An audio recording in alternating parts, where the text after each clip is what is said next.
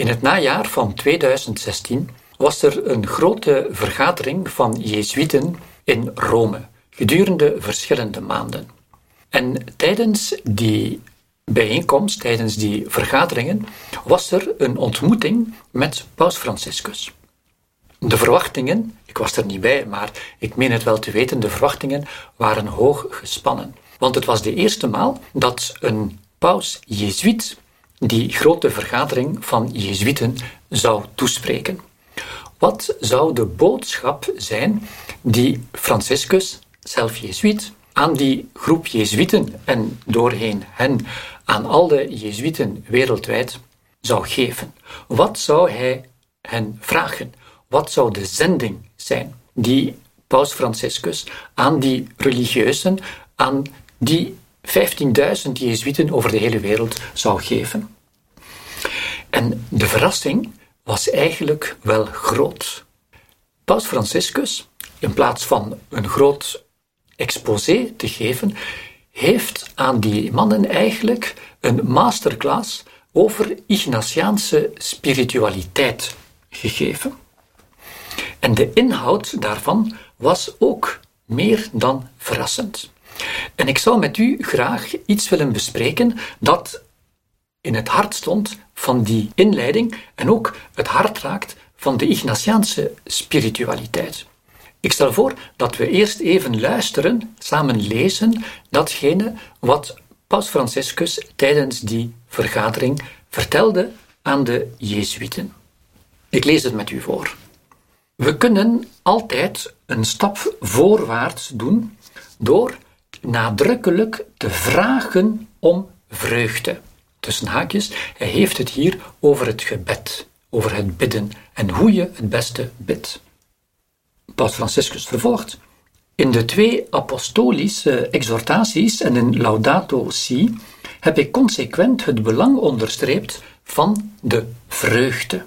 Het gaat om de vreugde van het evangeliseren, de vreugde van de familie, de vreugde van de kerk, de vreugde van de schepping. Ignatius moedigt onszelf en anderen aan nadrukkelijk te vragen om Gods vreugde. Het beoefenen en aanleren van dit smeekgebed en het met aandrang vragen om vreugde is de belangrijkste dienst die wij verlenen aan de vreugde. De vreugde is het fundament van de blijde boodschap. Men kan geen goed nieuws brengen met een droevig gezicht.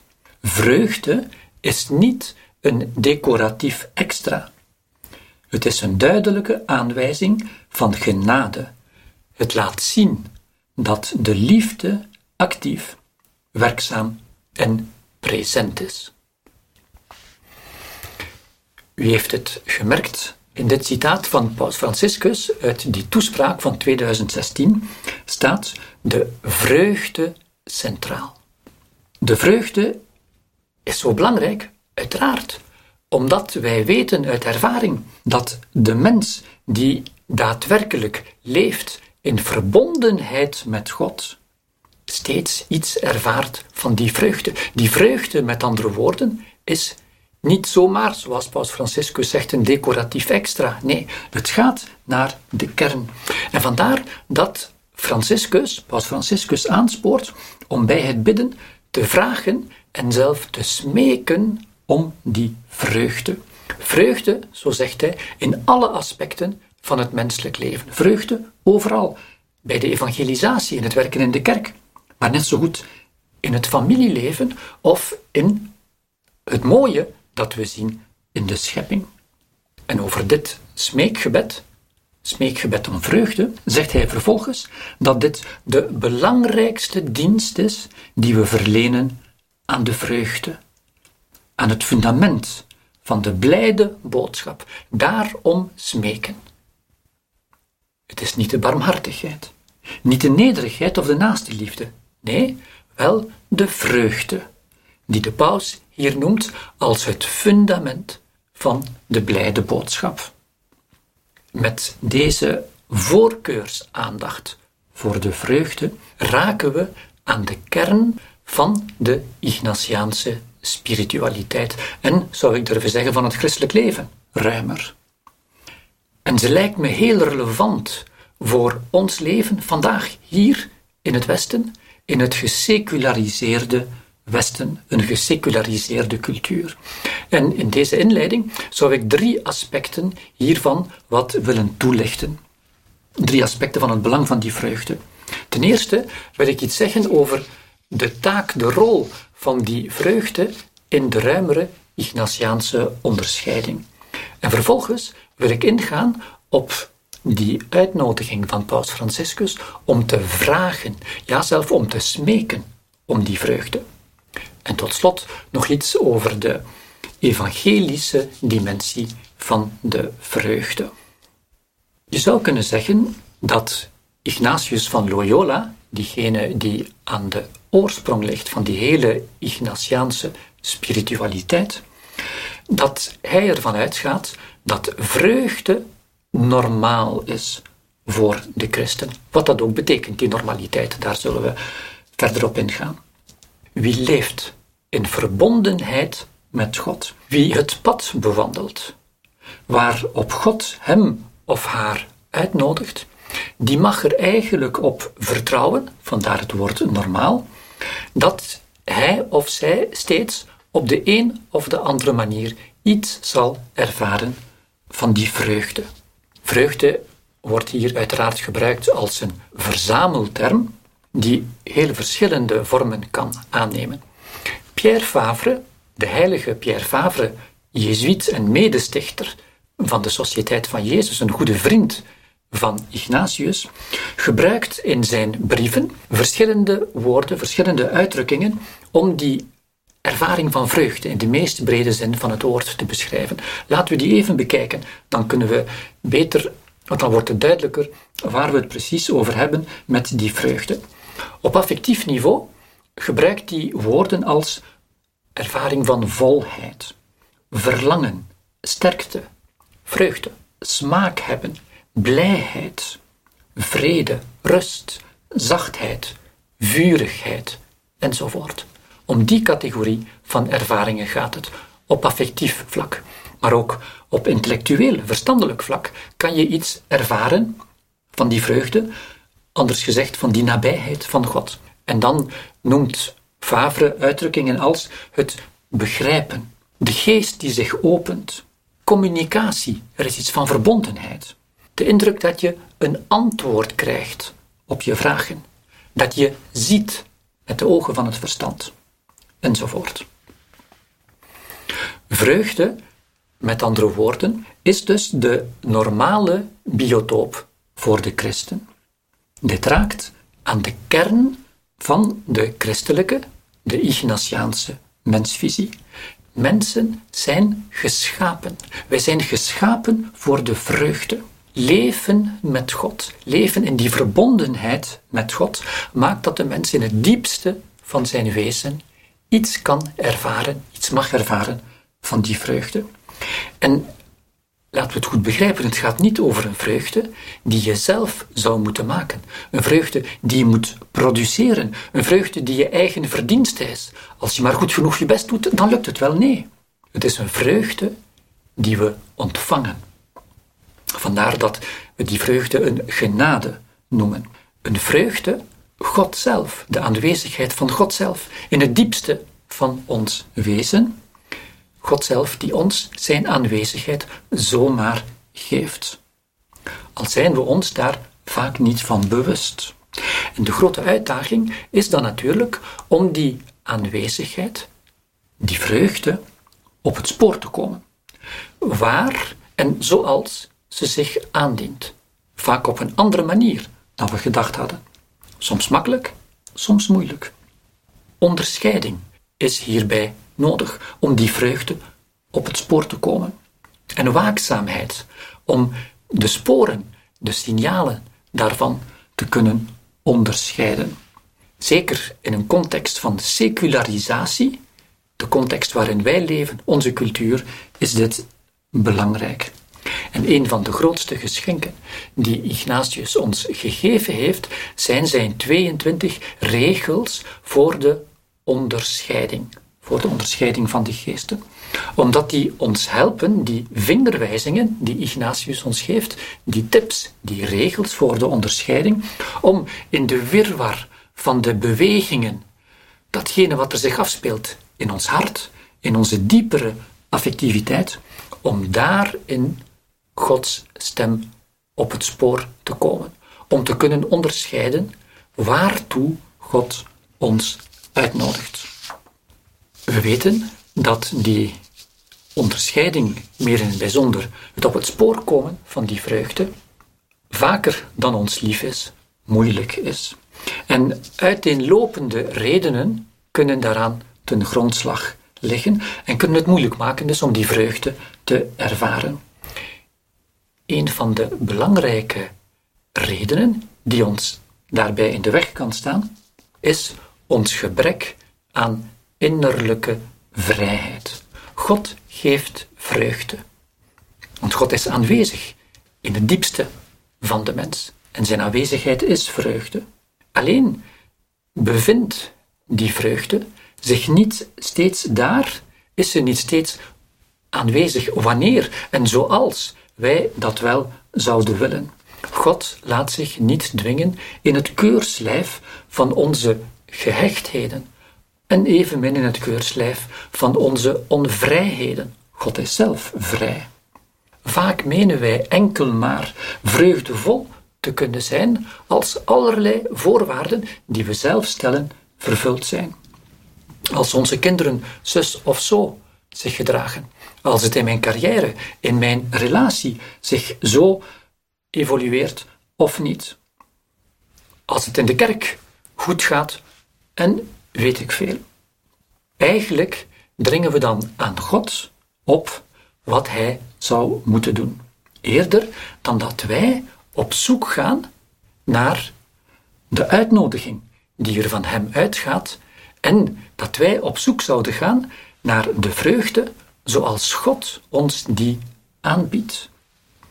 Het is ook geen toeval dat het eerste grote deel van de geestelijke oefeningen, het grote gebedstraject dat Ignatius heeft uitgewerkt en dat aan de grondslag ligt van de hele Ignatiaanse spiritualiteit, dat dat eerste grote deel van de geestelijke oefeningen eigenlijk een langdurige biddende training is, zo zou je het kunnen noemen, een langdurige training om te groeien in innerlijke beschikbaarheid en openheid en vrijheid. Met de jaren ben ik zelf eigenlijk dit postulaat, die prioriteit van de vreugde, steeds meer gaan ervaren als heel bemoedigend en oproepend. Het spoort me heel concreet, dagdagelijks, ertoe aan om mij niet erbij neer te leggen. Als ik voel dat er droefheid naar boven komt, of boosheid, of bitterheid, of andere negatieve gevoelens. Als er aan de bovenkant, en u herkent dit ongetwijfeld, hardnekkige donderwolken van ergernis, verdriet of boosheid hangen die de bovenhand zouden kunnen nemen. Het postulaat van de vrijheid, van de vreugde, pardon, nodigt mij er telkens weer toe uit, leert me dat ik mij niet hoef neer te leggen, leidzaam, bij die negativiteit die naar boven kan komen of die soms langdurig aan de horizon kan vertoeven. Het postulaat van de vreugde. Ik zou bijna zeggen, het geloof in die vreugde moedigt mij dan aan om actief op zoek te gaan, ook dan, in het bijzonder dan, naar die vreugde. Want als christen geloof ik dat ook in die moeilijke ogenblikken die vreugde toch aanwezig is.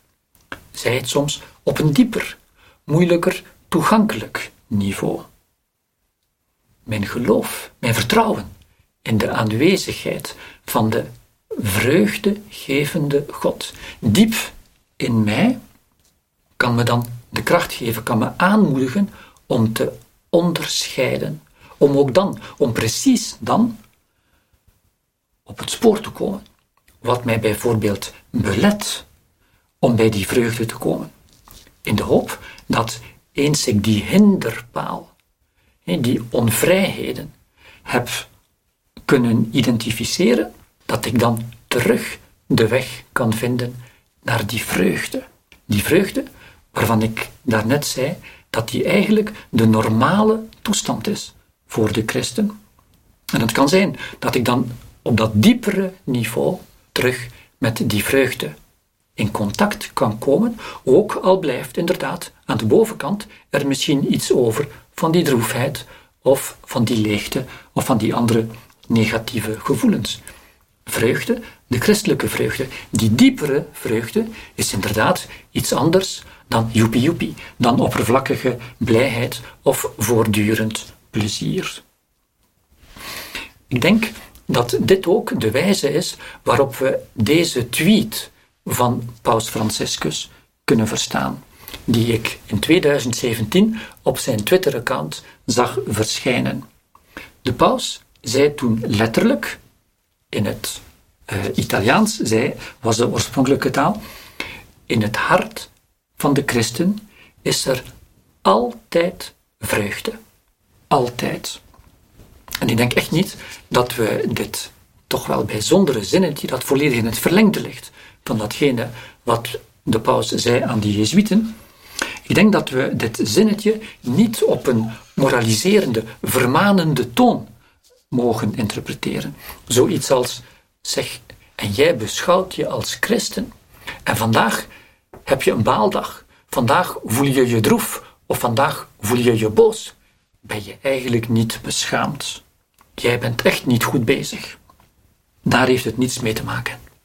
Ik denk dat het veel meer de eigen directe wijze is waarmee Paus Franciscus ons deze fundamentele waarheid van het christelijk geloof wil aanreiken.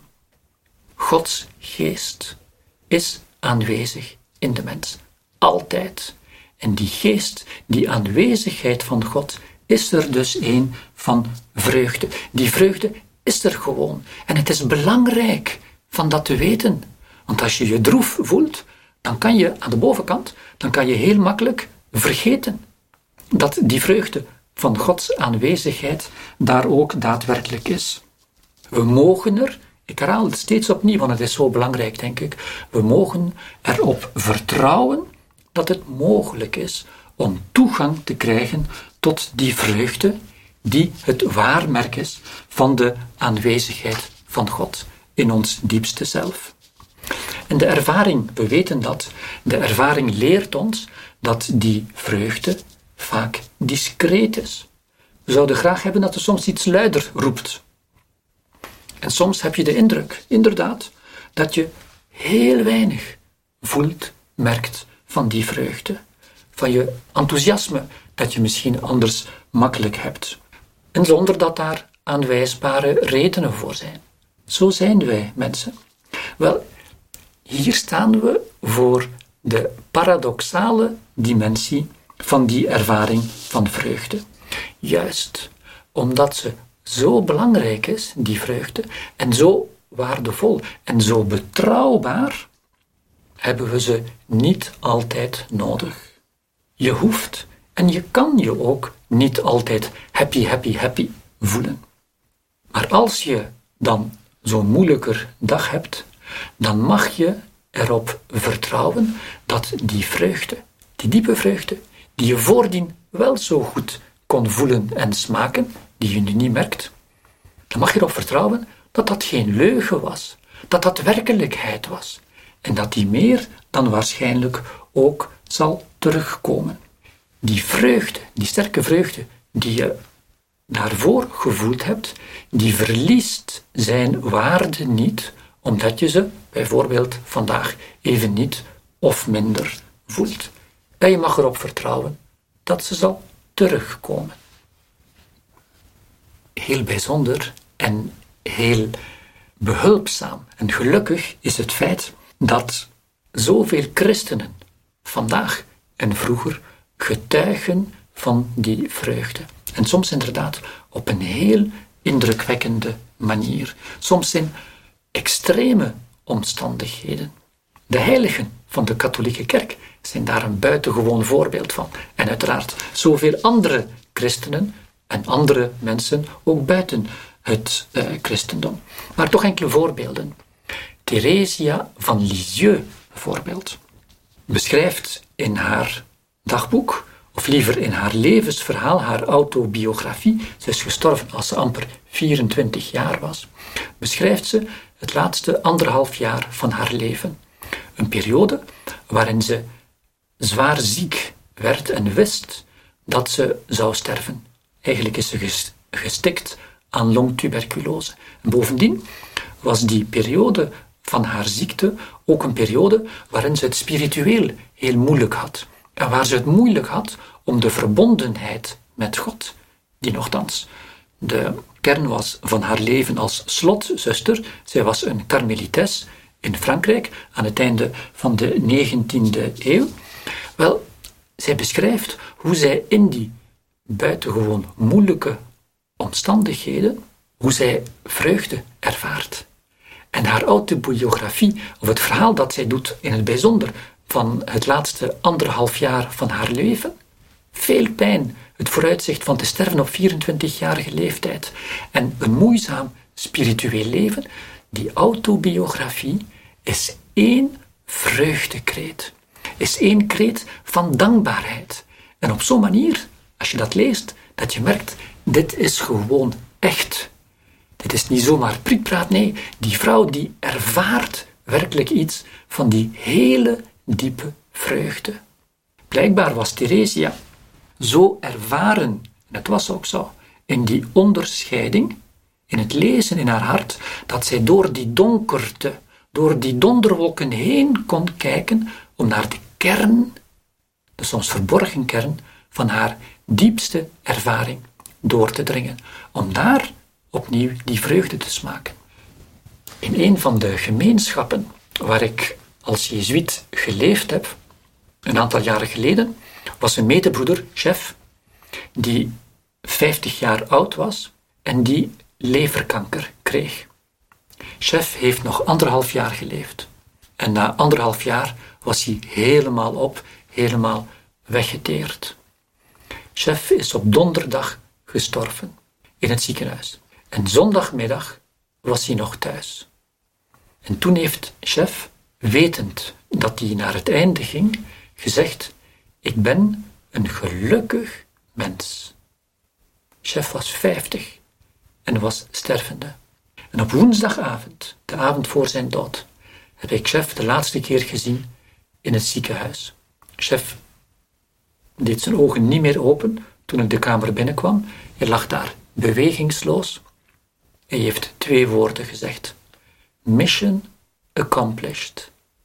Chef was, leefde van die Ignatiaanse spiritualiteit en van die onderscheiding. Voor mij was duidelijk dat chef niet tegenstaande die tragische donderwolken die boven zijn hoofd hingen, dat hij toch in staat bleef om die verbondenheid te ervaren.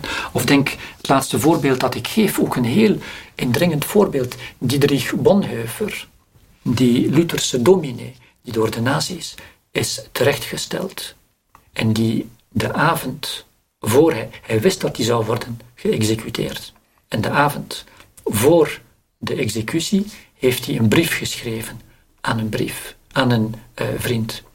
En in die brief schreef hij: De overwinning is zeker. De overwinning, het is te zeggen, het leven, de liefde, is sterker dan de dood. De avond voor de executie. Wat een kracht, wat een verbondenheid. Voor mij gaat het allemaal over, zijn het allemaal getuigen van die diepe vreugde die in het hart van de mens aanwezig is. En de grote uitdaging voor ons christenen, die toch in, doorgaans in iets minder extreme omstandigheden leven, als die drie voorbeelden die ik aangehaald heb, is om steeds weer in contact te komen, voldoende gehoor te kunnen geven, gehoorzaam te kunnen zijn aan die geest diep in ons. En zo komen we bij het tweede deel van de toespraak van de paus, dat ik zou willen behandelen uh, met u. het belang om te vragen om die vreugde. Vragen om vreugde. Vraagt u vaak om vreugde in uw gebed?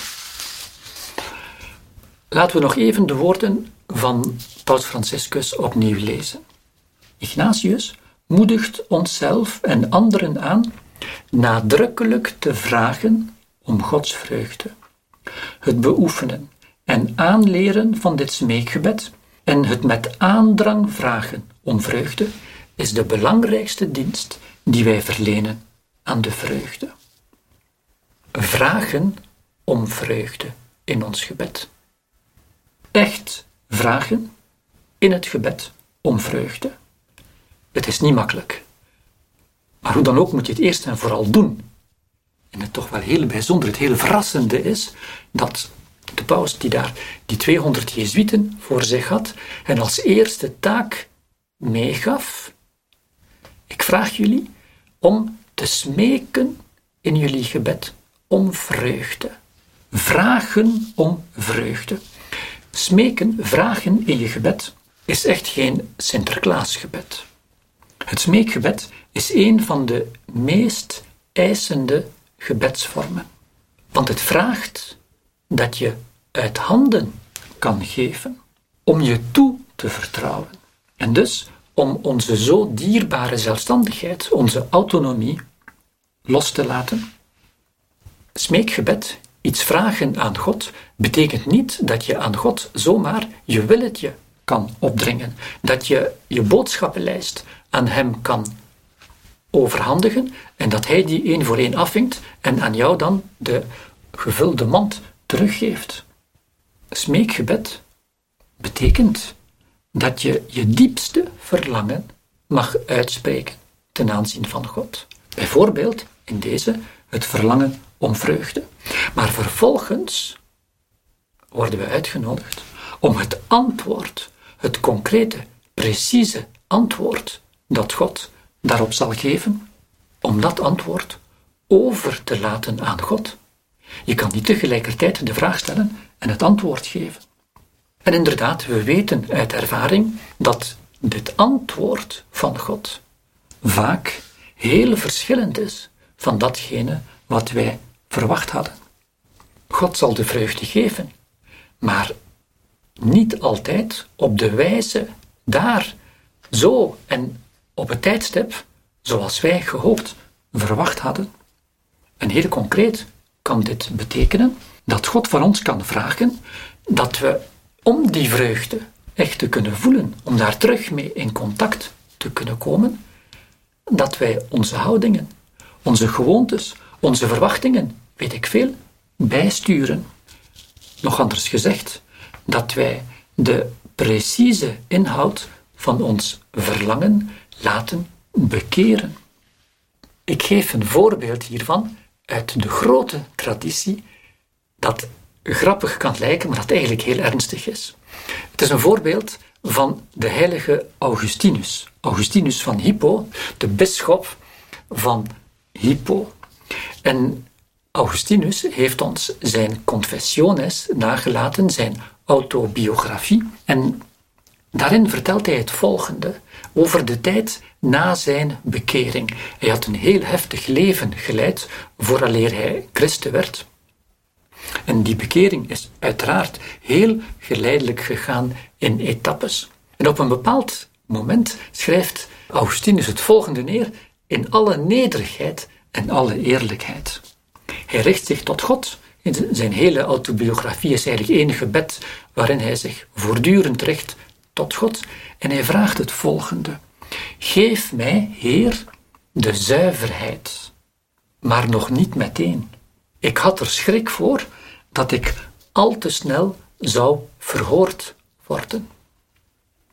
Augustinus was gewoon om een nogal liederlijk leven te leiden. En zijn liefdesleven was nogal wild. En eigenlijk stelt hij hier, en dat citaat verwijst daarnaar, stelt hij vast dat hij innerlijk nog onvoldoende vrij was.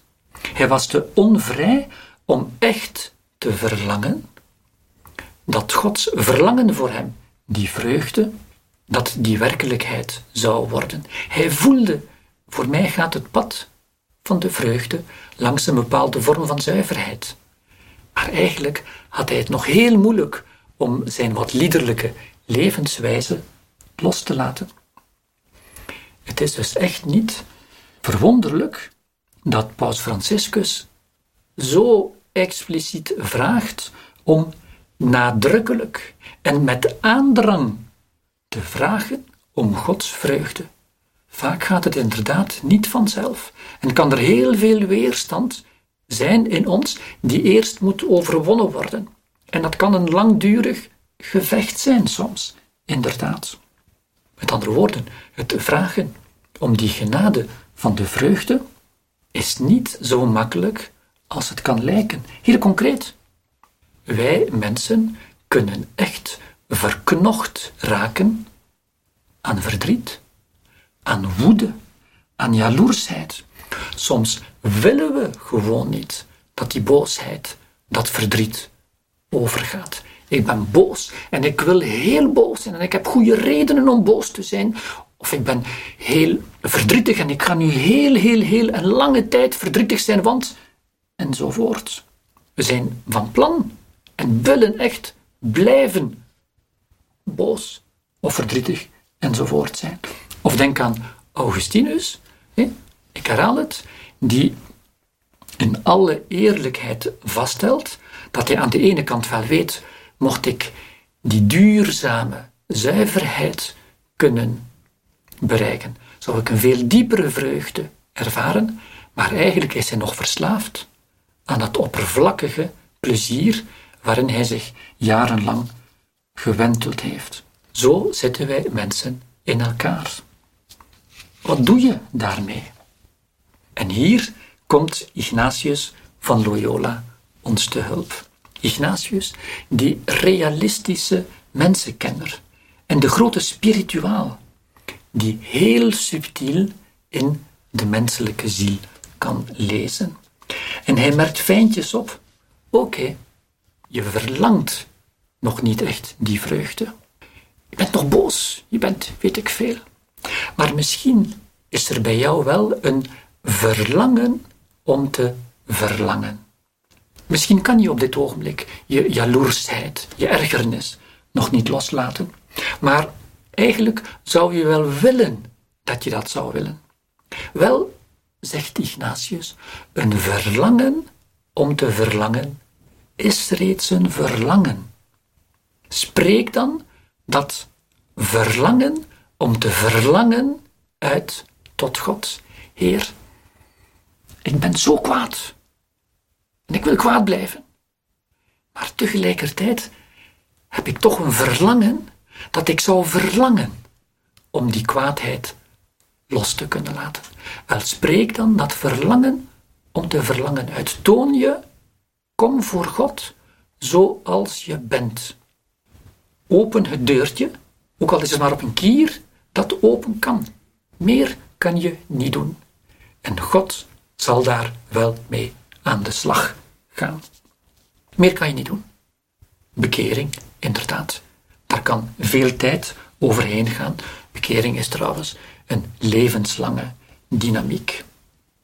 En dit verlangen om te verlangen brengt ons bij een nog ander aspect van het smeekgebed.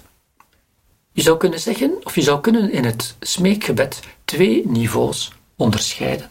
Er is het niveau, misschien het meest makkelijke, van het onmiddellijke, het puur subjectieve verlangen.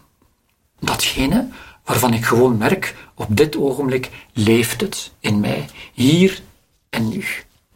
Datgene wat je hart je onmiddellijk zegt. Maar er kan ook zoiets zijn als het objectieve niveau van het verlangen. Ik eh, verklaar het wat nader. We weten van Ignatius, in de hele Ignatiaanse spiritualiteit, dat hij heel veel aandacht geeft aan die subjectieve ervaring, dat onmiddellijke verlangen, zoals ik het daarnet zei. Maar bijzonder, dat belet hem niet om in heel wat van de gebedstijden uit de geestelijke oefeningen, dat hij eigenlijk aan de retretant, aan de man, de vrouw die gaat bidden, heel precies voorschrijft, dus eigenlijk precies zegt, dit moet je verlangen. Objectief. Vreemd. bijvoorbeeld zegt hij, kijk, nu vraag ik je om te verlangen naar berouw. Bij meditaties over het kwaad, meditaties over je zonde.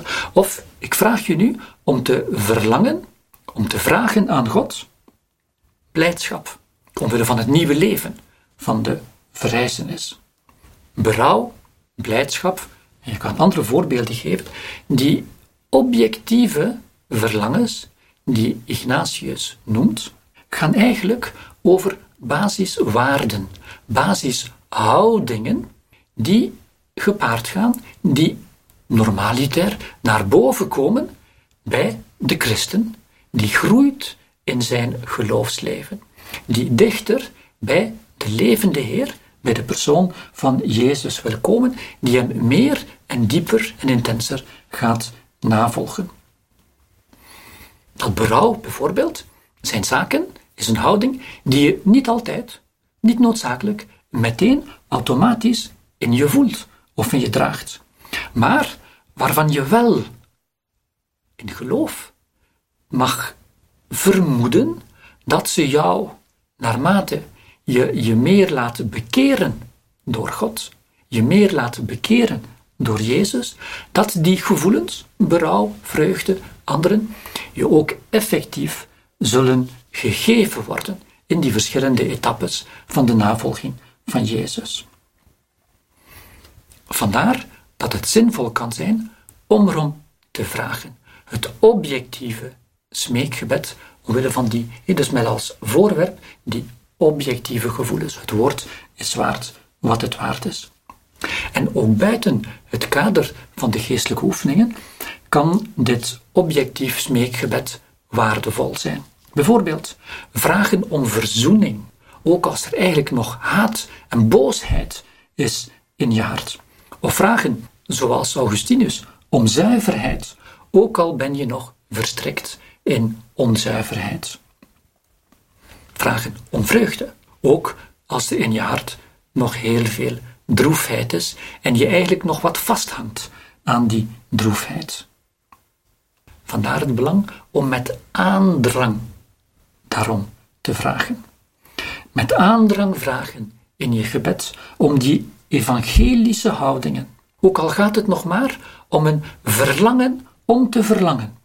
Het betekent dat je jezelf steeds weer, steeds weer voor God plaatst en vraagt om meer te mogen worden zoals Jezus, de mens. En de ervaring leert dat als je dit met aandrang doet, als je God daarom smeekt, dat je dit niet ongestraft doet. Met andere woorden, het wordt je gegeven. Op voorwaarde, ik herhaal het, dat je echt wil vragen en dat je de weerstand in jezelf durft te overwinnen om toch, niet tegenstaande die boosheid, niet tegenstaande die ergernis, weet ik veel, toch te vragen. Dat je, met andere woorden, bereid bent om je echt te openen voor diegene waarvan je gelooft dat hij de weg is, de waarheid en het leven. De godsverbondenheid, de nabijheid, de groeiende nabijheid met de levende Heer brengt de mens inderdaad op verrassende paden. Ik eindig met nog een korte derde puntje. Je merkt in de citaten van Paus Franciscus die we gelezen hebben, dat de focus heel sterk ligt op de vreugde.